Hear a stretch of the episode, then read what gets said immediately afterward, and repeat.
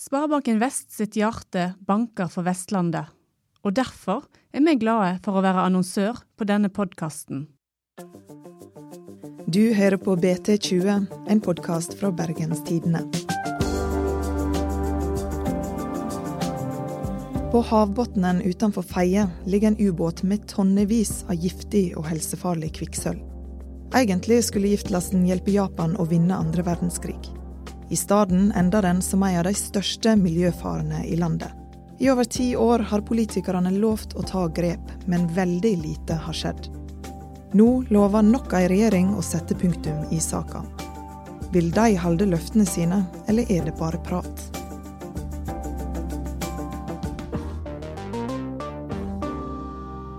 Mitt navn er Ingvild Nave.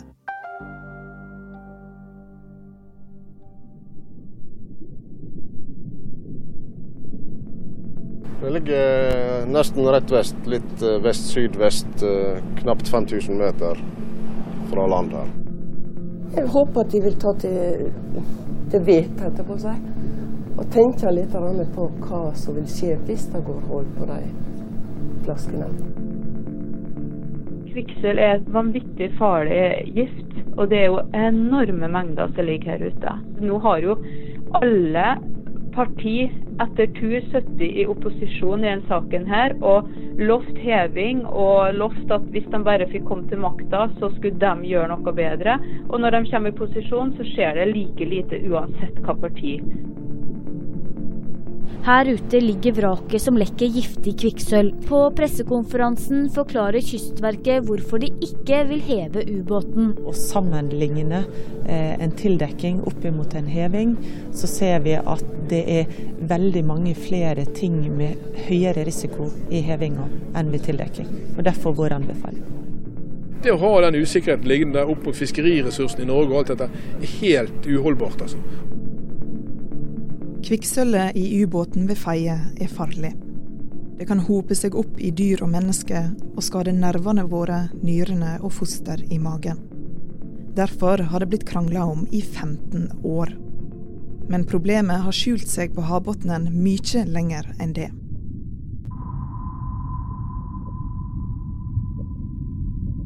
Vi skal tilbake til andre verdenskrig og høre hvordan en hemmelig krigsplan laga av Tyskland og Japan førte til en enorm miljøtrussel på vår kyst. Det begynner egentlig i Bremen i 1943. Da ble eh, U-864 sjøsatt fra et verft eh, der. Her hører du BT-journalist Øystein Røssum. Han har fulgt saka om ubåten på Feie i flere år. Ubåtvesenet var jo eh, en veldig sentral del av den tyske krigsmaskinen. både for å stoppe konvoier som forsynte de allierte. Eh, men òg etter hvert for å frakte mm, krigsmateriell for tyskerne, bl.a. til Japan, som jo var en alliert med Tyskland. Var det det U-864 skulle? Ja, det var i hvert fall det som ble eh, Det var ei av oppgavene. Det var den første oppgaven som U-864 da fikk. Visstnok et topphemmelig oppdrag. Så det er ikke så veldig mye som er kjent de, om hva som faktisk uh, var om bord. Uh, men det vi vet, vet oss fordi at uh, de allierte jo greide å knekke det kodesystemet som tyskerne brukte for å kommunisere. For det var, gikk da kommunikasjon mellom Tyskland og Japan om at det skulle lastes om bord hver så 1800 flasker med kvikksølv. I tillegg til disse andre krigsmateriellet. da. Hvem var om bord når denne ubåten la fra kai i Tyskland? Det var 73 menn, ubåtmannskapet, som var tyske. I tillegg så var det to japanske ingeniører eh, og tyske ingeniører og tyske offiserer som skulle hjelpe eh, Japan eh, med krigen. En annen som har fordypa seg i ubåten U-864, er journalist Øyvind Lefdal Eidsvik. Dette her var jo da storpolitikken på en måte kom til feie for eh, kanskje aller første muligens siste gang. Det var jo en del av eh, Hitlers plan om å, om å gi eh, Japan hjelp for å holde amerikanerne mer opptatt i Stillehavet, og dermed forsinke dem på den europeiske flanken. Så det var siste sjanse til å snu krigen, da? Dette er jo 19, slutten av krigen. I hvert fall en av de eh, senere sjansene. Hvordan havna egentlig U-864 på Feie? Bergen var eh, kanskje den viktigste ubåtbasen som tyskerne hadde. Under krigen og fram til 1944 så eh, var det baser i Frankrike, på Atl Atlanterhavskysten i Frankrike, som var viktigst for den tyske ubåtkrigen. Men eh, så kom jo D-dagen, eh, invasjonen i Normandie, og eh, tyskerne mista disse basene til de allierte. Og da ble Bergen helt eh, sentral. Og på det meste så blir det sagt at det var 19 000 eh, tyske marinesoldater stasjonert i Bergen på slutten av krigen. Så det var kanskje ikke så unaturlig at U-864 som skulle til Japan, plutselig havna her? Nei, og det var eh, De hadde også tekniske problemer underveis. Båten ble eh, skada under et britisk luftangrep her i Bergen. Så måtte gjøre noen mindre reparasjoner pga. det. Hva skjer når ubåten reiser fra Bergen etter reparasjonene sine? Den er jo da i området rundt Feie. Der venter en britisk uh, ubåt, HMS Venturer, på den. Britene er jo klar over at uh, U-864 skal være i strøket, og venter i bakhold, får en vel si. Uh, Venture er jo en mindre båt, har mindre våpenkapasitet enn 864, uh, men tar den i en slags bakholdsangrep. Det blir en slags katt og mus-leik under vann, hvor uh, britene til slutt fyrer av fire torpedoer i kjapp rekkefølge, før de sjøl dykker kjapt ned for å unngå motangrep. Av de fire torpedoene så klarer U-864 å komme seg unna tre av dem. De svinger alt de klarer. I den siste svingen så legger de seg inn i banen til den fjerde torpedoen. Og den torpedoen treffer den tyske ubåten i sida, og alle 73 om bord omkommer.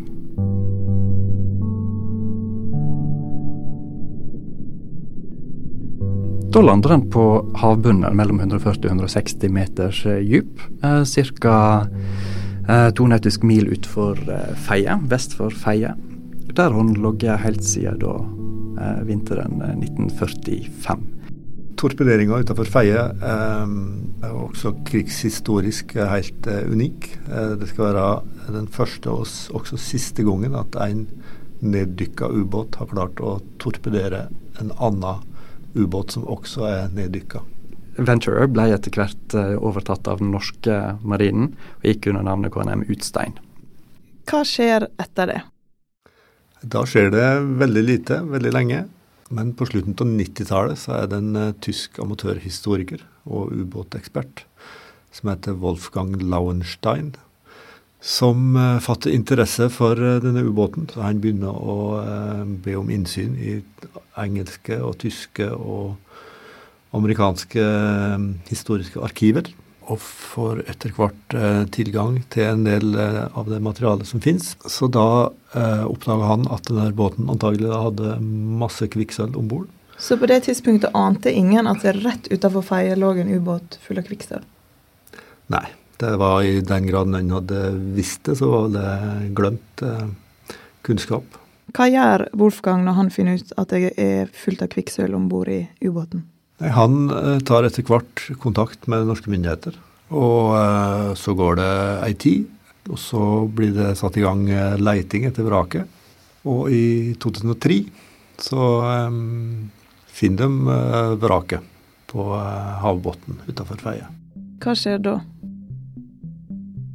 Da starta en av de største um, politiske sakene på Vestlandet, egentlig gjennom 15 år. Eh, da starta utgreiinga for mange hundre millioner. Da starta en bøtteballett med fram og tilbake eh, gjennom alle disse årene. Nå skal vi ha ei kort melding fra vår annonsør. Vi er straks tilbake. Hva gjør du når du trenger noen å snakke med, men du veit ikke hvem det skal være? Da ringer du Kirkens SOS, slik som 70 andre gjør hver dag, bare på Vestlandet. Kirkens SOS i Bjørgvin har et tilbud av god faglig kvalitet til mennesker som trenger noen å snakke med. Over 100 frivillige betjener en døgnåpen krisetelefon og chat, og gjør en formidabel innsats for de som tar kontakt. Ofte kommer de fram til gode løsninger i samtalene.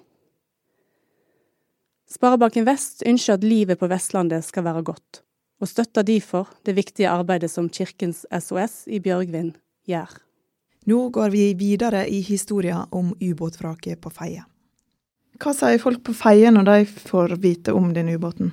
Altså Kravet på Feie har jo hele tida vært at ubåten med alle sine tonn med kvikksølv utgjør en stor fare for både nåtid og ikke minst framtid. Hva med fiske framover, hva med ungenes helse? Og kravet sånn sett har jo vært at hele vraket, all kvikksølvet, må opp.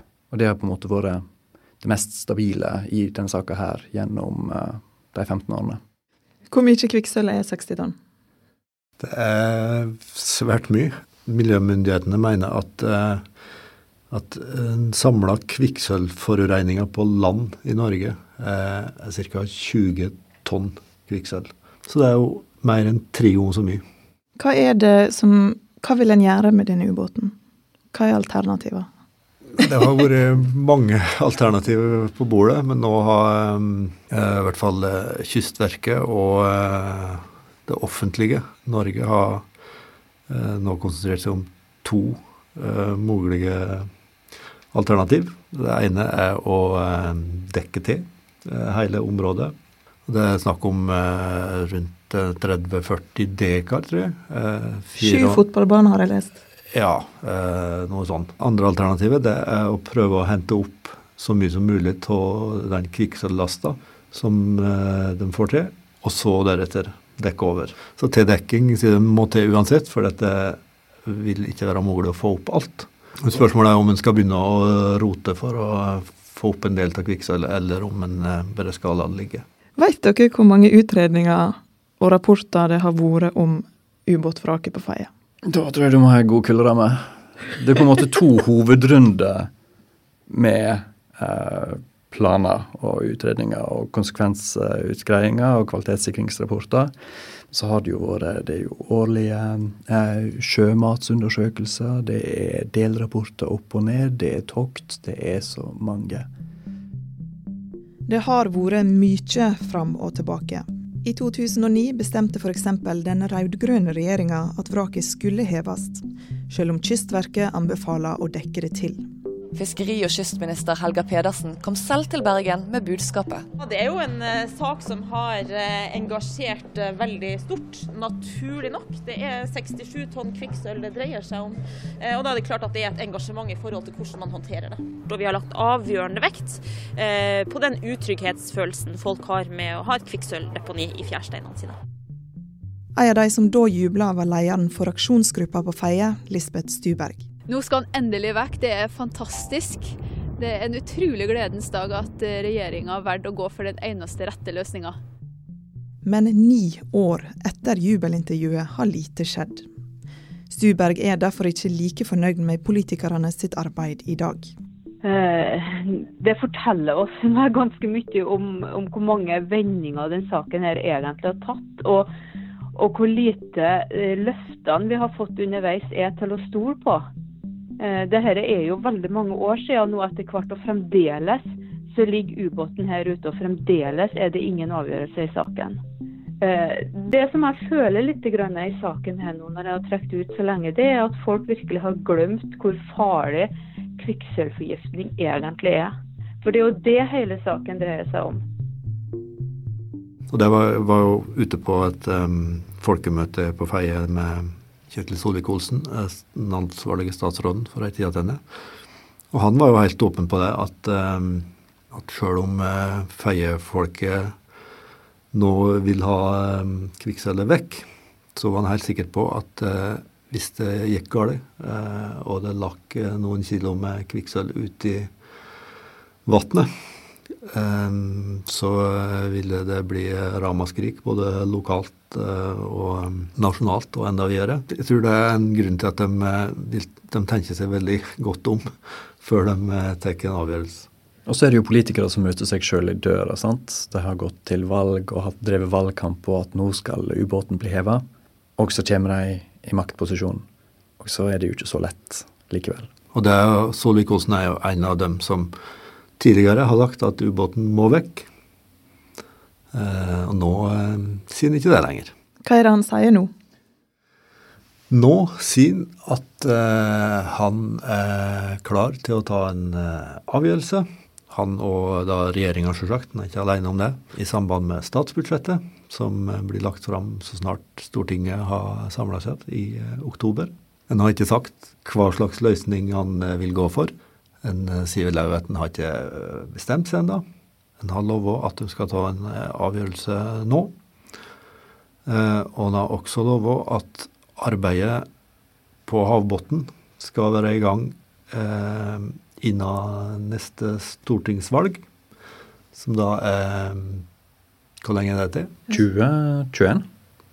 Så ubåtsituasjonen skal være løst innen høsten 2021? Ja, Om de er ferdige En vil, ikke, en vil vel ikke love at de skal være ferdige innen 2021, men de skal være i gang. Men dette her minner jo mistenkelig om eh, hva eh, ansvarlige statsråder har sagt om akkurat det her før. Ja, på Feia har vi jo hørt lignende ting tidligere. Høyre, da? Nei, eh, før, I valgkampen i 2013, stortingsvalget i 2013, så var jo eh, Høyre lokalt eh, høyt på banen. Eh, og eh, Øyvind Halleraker, f.eks., stortingsrepresentant for Høyre fra Hordaland, sa jo at eh, det blir ikke tildekking som etterlater denne forurensningen, uvissheten og sprengstoffet i all fremtid. Men da burde vel saken være biff, da, når Høyre og Frp sitter i regjering? Jo, men igjen så er det da denne de faglige rådene fra eh, Kystverket som eh, sier at eh, det er tryggere og bedre og også billigere å dekke til. Samtidig så har jo kystdirektøren også tidligere sagt sånn at det her er jo en politisk avgjørelse. Det handler om mer enn på en måte bare de faglige rådene. Det handler også om politikken i det, og hva, hva samfunn eh, vil en ha. Og at derfor er det en politisk avgjørelse. Hva tror dere skjer nå? Det er jo ingen som veit, men eh, jeg tror at eh, de som var ute på Feie og hørte eh, Kjetil Solvik-Olsen orientere nå eh, for et par uker siden, jeg tror at de fleste der oppfatter han slik at han heller mot å dekke til, og eh, ikke prøve å hente opp eh, noe. Kanskje får vi endelig et svar på hva som skjer med ubåten på Feie i år. Det kommer an på om politikerne holder det de lover denne gangen. Tusen takk til Øyvind Lefdal Eidsvik og Øystein Røssum. Produsent for podkasten er Henrik Svanevik. Ansvarlig redaktør Øyulf Hjertenes. Abonner på BT20 der du hører podkast. Vi er tilbake med en ny episode neste uke. Og mitt navn er Ingvild Nave.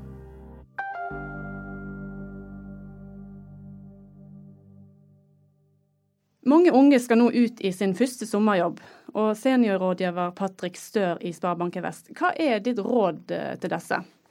Det, det første, det viktigste å få på plass, eh, det er jo da en, en skikkelig arbeidskontrakt. Det er det faktisk veldig mange som ikke får, og, og det har de krav på. Eh, og så er det jo gjerne å tenke litt på at eh, den første jobben det er jo litt starten på, på voksenlivet. Og da kan det være lurt å tenke litt på, på fremtiden, og, og da har du veldig mange gode muligheter også til å legge av litt penger da, og spare penger. Hva mener du er den beste måten å spare på for de som, som skal ha sommerjobb? Altså det, det kommer litt an på hva formålet er. Altså hvis det er eh, Skal du f.eks. brukes til, eh, til studier neste år, så er det litt dumt å låse pengene på en BSU-konto. Men eh, hvis det er litt mer langsiktig form for sparing til, til boligformål, så, så er BSU den beste måten å spare på. Og hva er fordelen med BSU? Altså Du får jo da bankens beste vilkår. Eh, I tillegg så får du egentlig en gavepakke da, fra, fra staten i form av et eh, skattefradrag. Så det er helt klart den beste formen for sparing som finnes.